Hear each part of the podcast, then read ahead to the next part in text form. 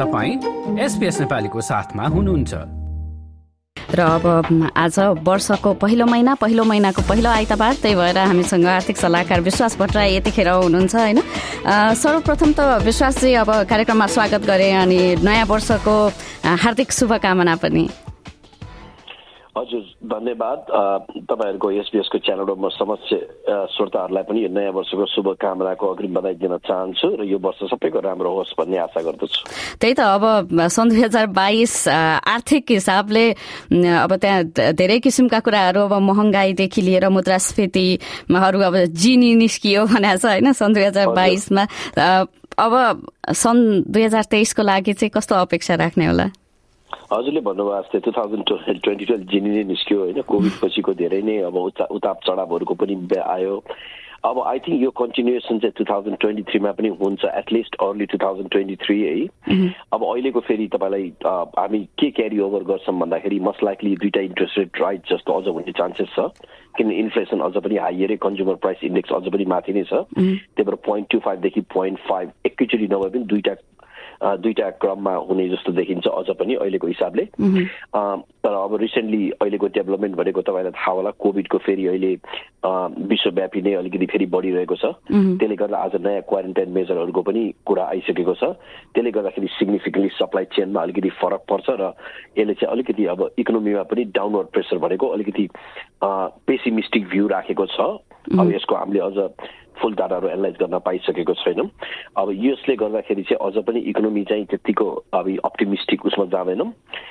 जहाँसम्म लाग्छ back in जुन जुलाईदेखि पछि गएर जुन जुलाईदेखि चाहिँ इकोनोमीको क्रम चाहिँ स्लो हुन थाल्छ होला। किनभने अहिले पनि हाम्रो खास स्पेन्डिङ र पहिलाको पास्ट मान्छेले जुन सेभिङ गरिरहेको छ त्यो पैसालाई फेरि रिरोटेट गरेको कारणले अहिले बढे पनि त्यो क्रम चाहिँ जुन जुलाईमा चाहिँ स्लो डाउन भएपछि चाहिँ त्यसपछि चाहिँ सायद इन्ट्रेस्ट रेट चाहिँ फेरि ब्याकवर्डमा आउन थाल्छ र अलिकति कन्ज्युमर सेन्टिमेन्ट फर्किन थाक्छ होला।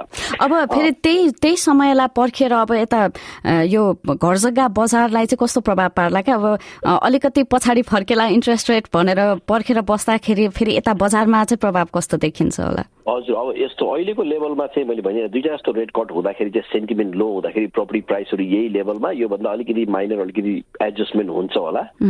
तर जहाँसम्म लाग्छ प्रपर्टी मार्केट त्यस्तरी अब टेन फिफ्टिन पर्सेन्ट जुन हिसाबले ट्वेन्टी टूमा भयो त्यो हिसाबले चाहिँ झर्ला जस्तो देखिँदैन। तर एक्चुली सेन्टिमेन्ट फेरि रिभर्स जब कि इन्ट्रेस्ट रेट झर्छ सेन्टिमेन्ट फेरि अलिकति अपवर्ड हुन थालेपछि फेरि त्यो मार्केटले गेन गर्ने चान्सेस चाहिँ स्ट्रङ देखिन्छ। तर त्यो इफेक्ट चाहिँ टु थाउजन्ड ट्वेन्टी थ्रीमा नदेखि पनि टु थाउजन्ड ट्वेन्टी फोरतिर एक्सटेन्ड हुन्छ होला।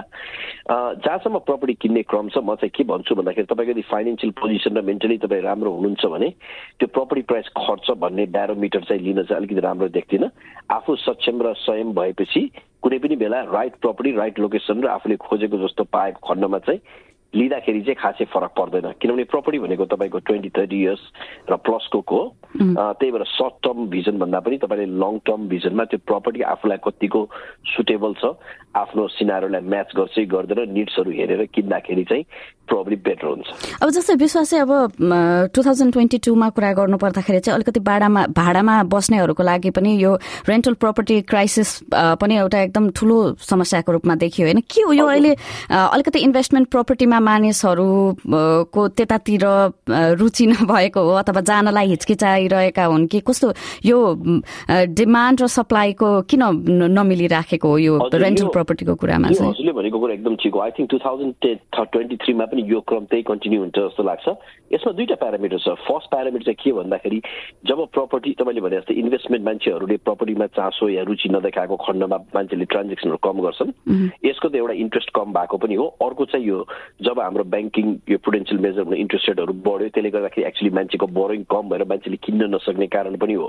यसले गर्दाखेरि के भयो भन्दाखेरि तपाईँको बिल्डिङ एप्रुभलहरू नयाँ बिल्डिङहरू सबै कुराको सङ्ख्या कम हुन थालेपछि तपाईँको सप्लाई डिमान्ड चेन्ज हुने बित्तिकै रेन्टल प्रपर्टी अटोमेटिकली डिमान्ड पर्यो। अनि अर्को प्यारामिटर के हो भन्दाखेरि जब तपाईँको इन्ट्रेस्ट रेट राइज हुन्छ तपाईँको ल्यान्डलोड या भनौँ न इन्भेस्टरले के गर्छ भन्दाखेरि उसले बढी तिर्ने हुनाले उनीहरूले पनि खास त्यो पैसा रिकुप गर्नलाई मार्केटमा पास गर्ने हुनाले इन्ट्रेस्ट रेट बढ्छ। सरी रेन्ट बढ्छ। अनि त्यसको प्रेसर चाहिँ खास अब रेन्टरले बोन गर्छ। जस्तै उलोर्थमा सामान को पैसा बढ्यो भने डेफिनेटली उनीहरूले पनि बढाउँछ सप्लायरको पैसा होइन? तिर्ने अल्टिमेट त कन्ज्युमर हुन्छ। त्यसै गरेर हरेक कुराको at the end of the कन्ज्युमरलाई नै आउँछ। तर unfortunately I think two thousand twenty थ्रीमा पनि हामीले यो क्रम देख्छौँ जस्तो लाग्छ।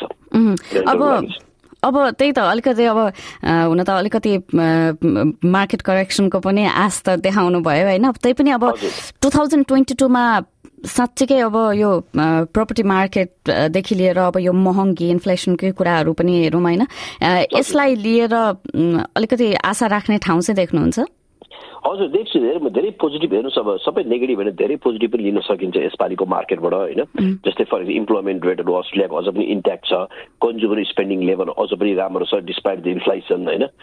कन्ज्युमर गुड्सहरूको पनि तपाईँको स्ट्रङ डिमान्ड छ। हो हामीसँग अहिले सप्लाई चेनको अलिकति गाह्रो छ तर एक्चुली सप्लाई रिज्युम भएपछि यो डेफिनेटली बेटर हुन्छ। स्पेसली फ्युलहरूकोदेखि लिएर सबै कारणले गर्दा चाइनाको युक्रेनको वार युरोपियन कन्डिसनले गर्दा गाह्रो भएको हो।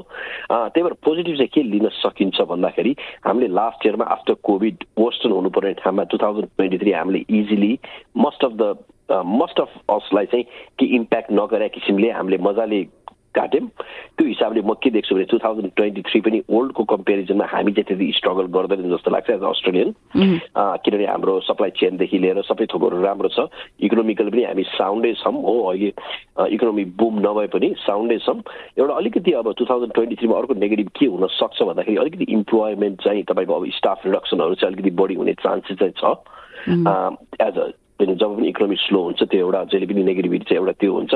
तर त्यो भन्दैमा पनि अस्ट्रेलियामा अहिले माइग्रेट नआएको कारणले फेरि नयाँ जबलाई एब्जर्ब गर्न सक्ने पोटेन्सियल पनि राम्रो छ।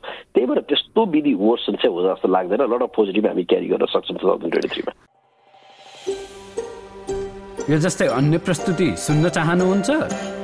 एप्पल पोडकास्ट गुगल पोडकास्ट स्पोटिफाईमा हामीलाई खोज्नुहोस् वा तपाईँले पोडकास्ट सुन्ने अन्य सेवामा।